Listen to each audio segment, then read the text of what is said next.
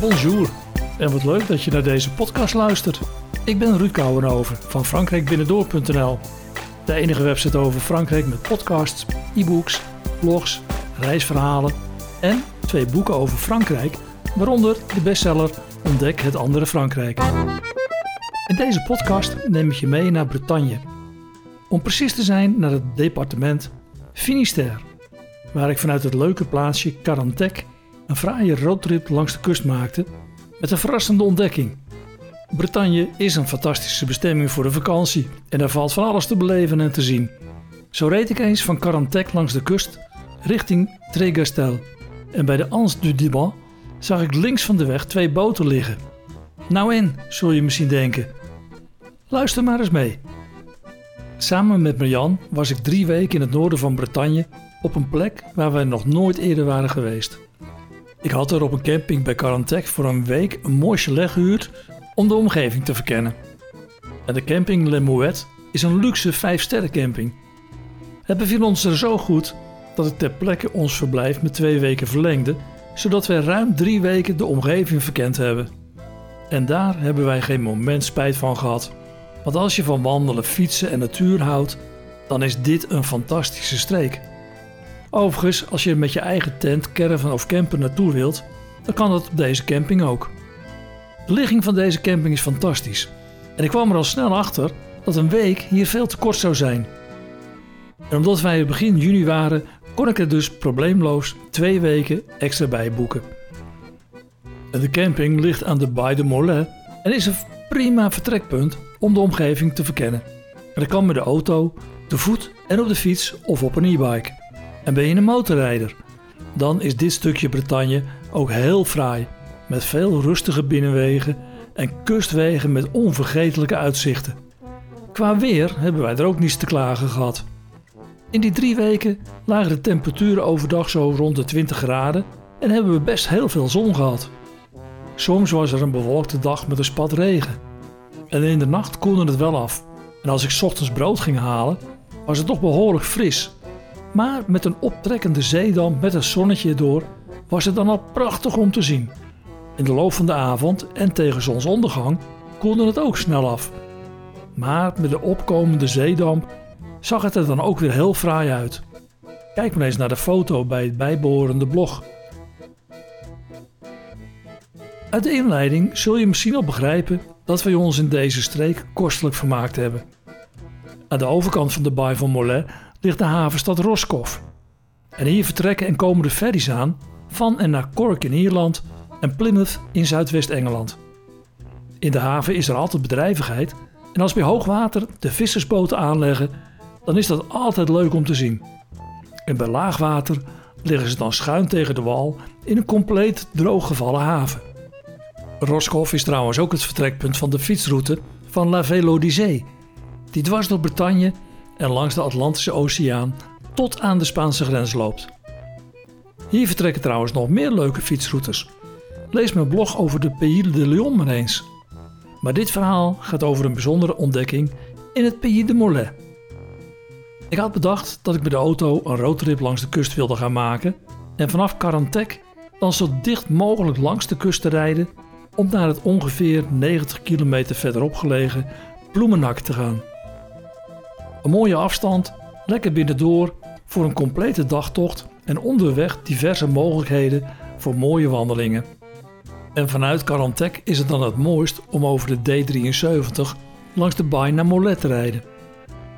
Ook trouwens een hartstikke leuke plaats om te zien, met hele mooie oude huizen in het centrum en een levendige haven met veel plezierboten. En omdat er alleen aan het eind van deze haven een mogelijkheid is naar de andere kant van de rivier Mollet te gaan, zou je hier ook even kunnen stoppen om het stadje te verkennen. Maar deze keer reed ik echter aan het eind van de plezierhaven naar de D786 aan de andere kant van de rivier. En deze weg gaat op een gegeven moment over in de D76.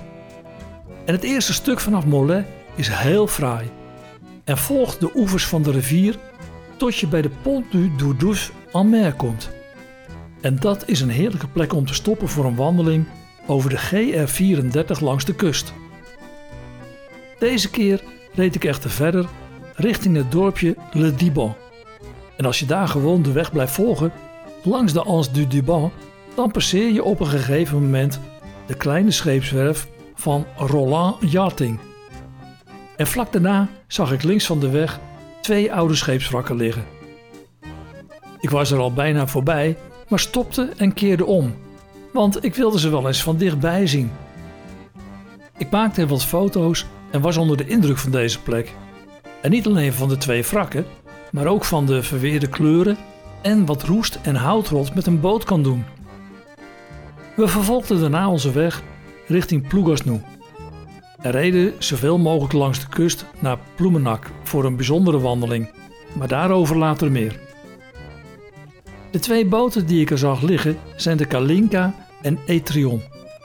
En toen ik naderhand de foto's bekeek en de namen op de kajuit van de rode boot zag, werd ik nieuwsgierig en kwam erachter dat er een bijzonder verhaal is verbonden aan deze plek in Finistère.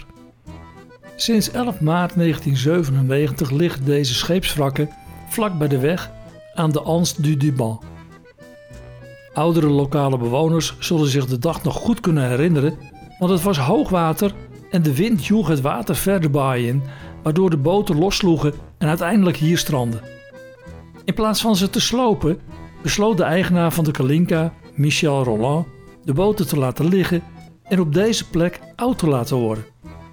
De eigenaar van de boten was een visser uit het dorp en de Kalinka werd in 1965 gebouwd door zijn broer Jan van de scheepswerf ernaast. De boot woog 49 ton en had een lengte van 16,5 meter.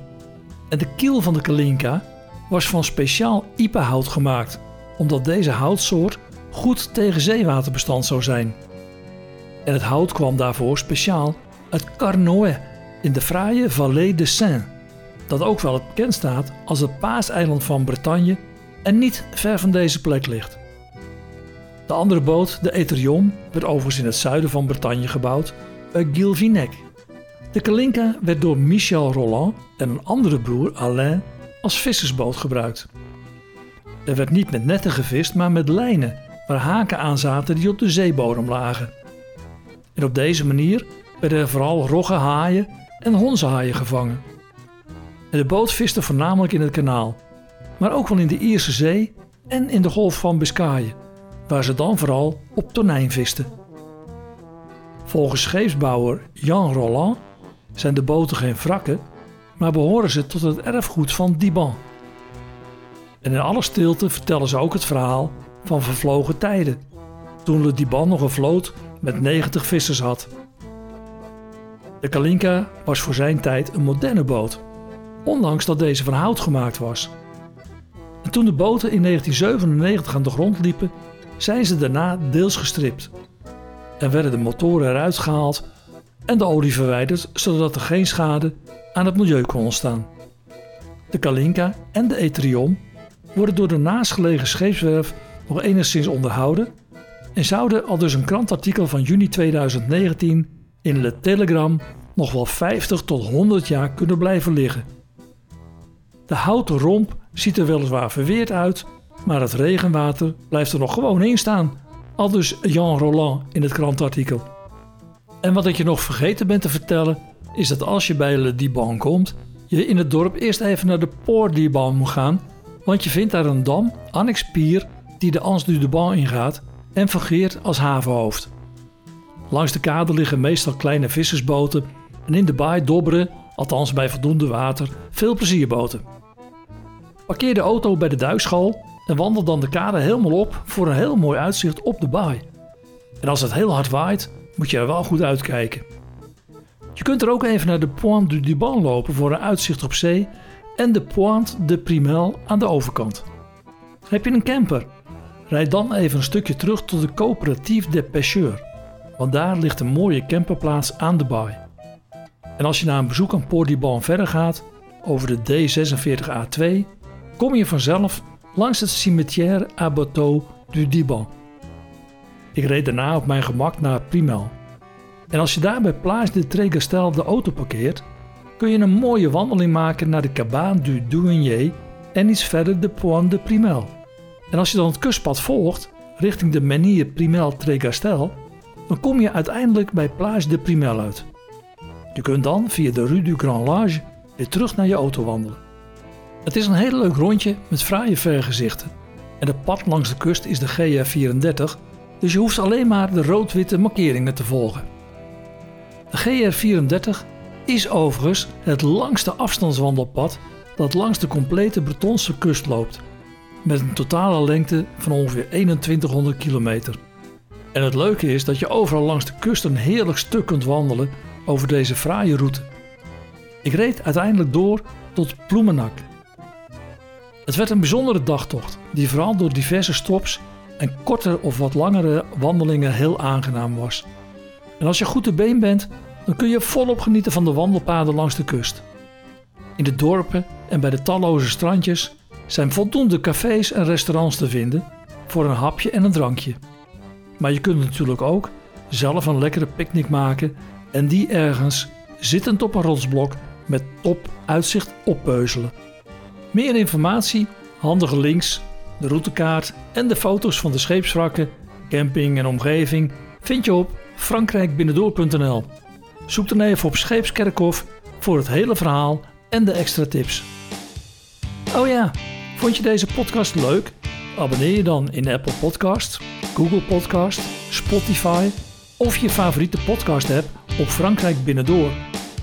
En op frankrijkbinnendoor.nl slash podcast vind je ook alle andere podcasts. Tot mijn volgende podcast.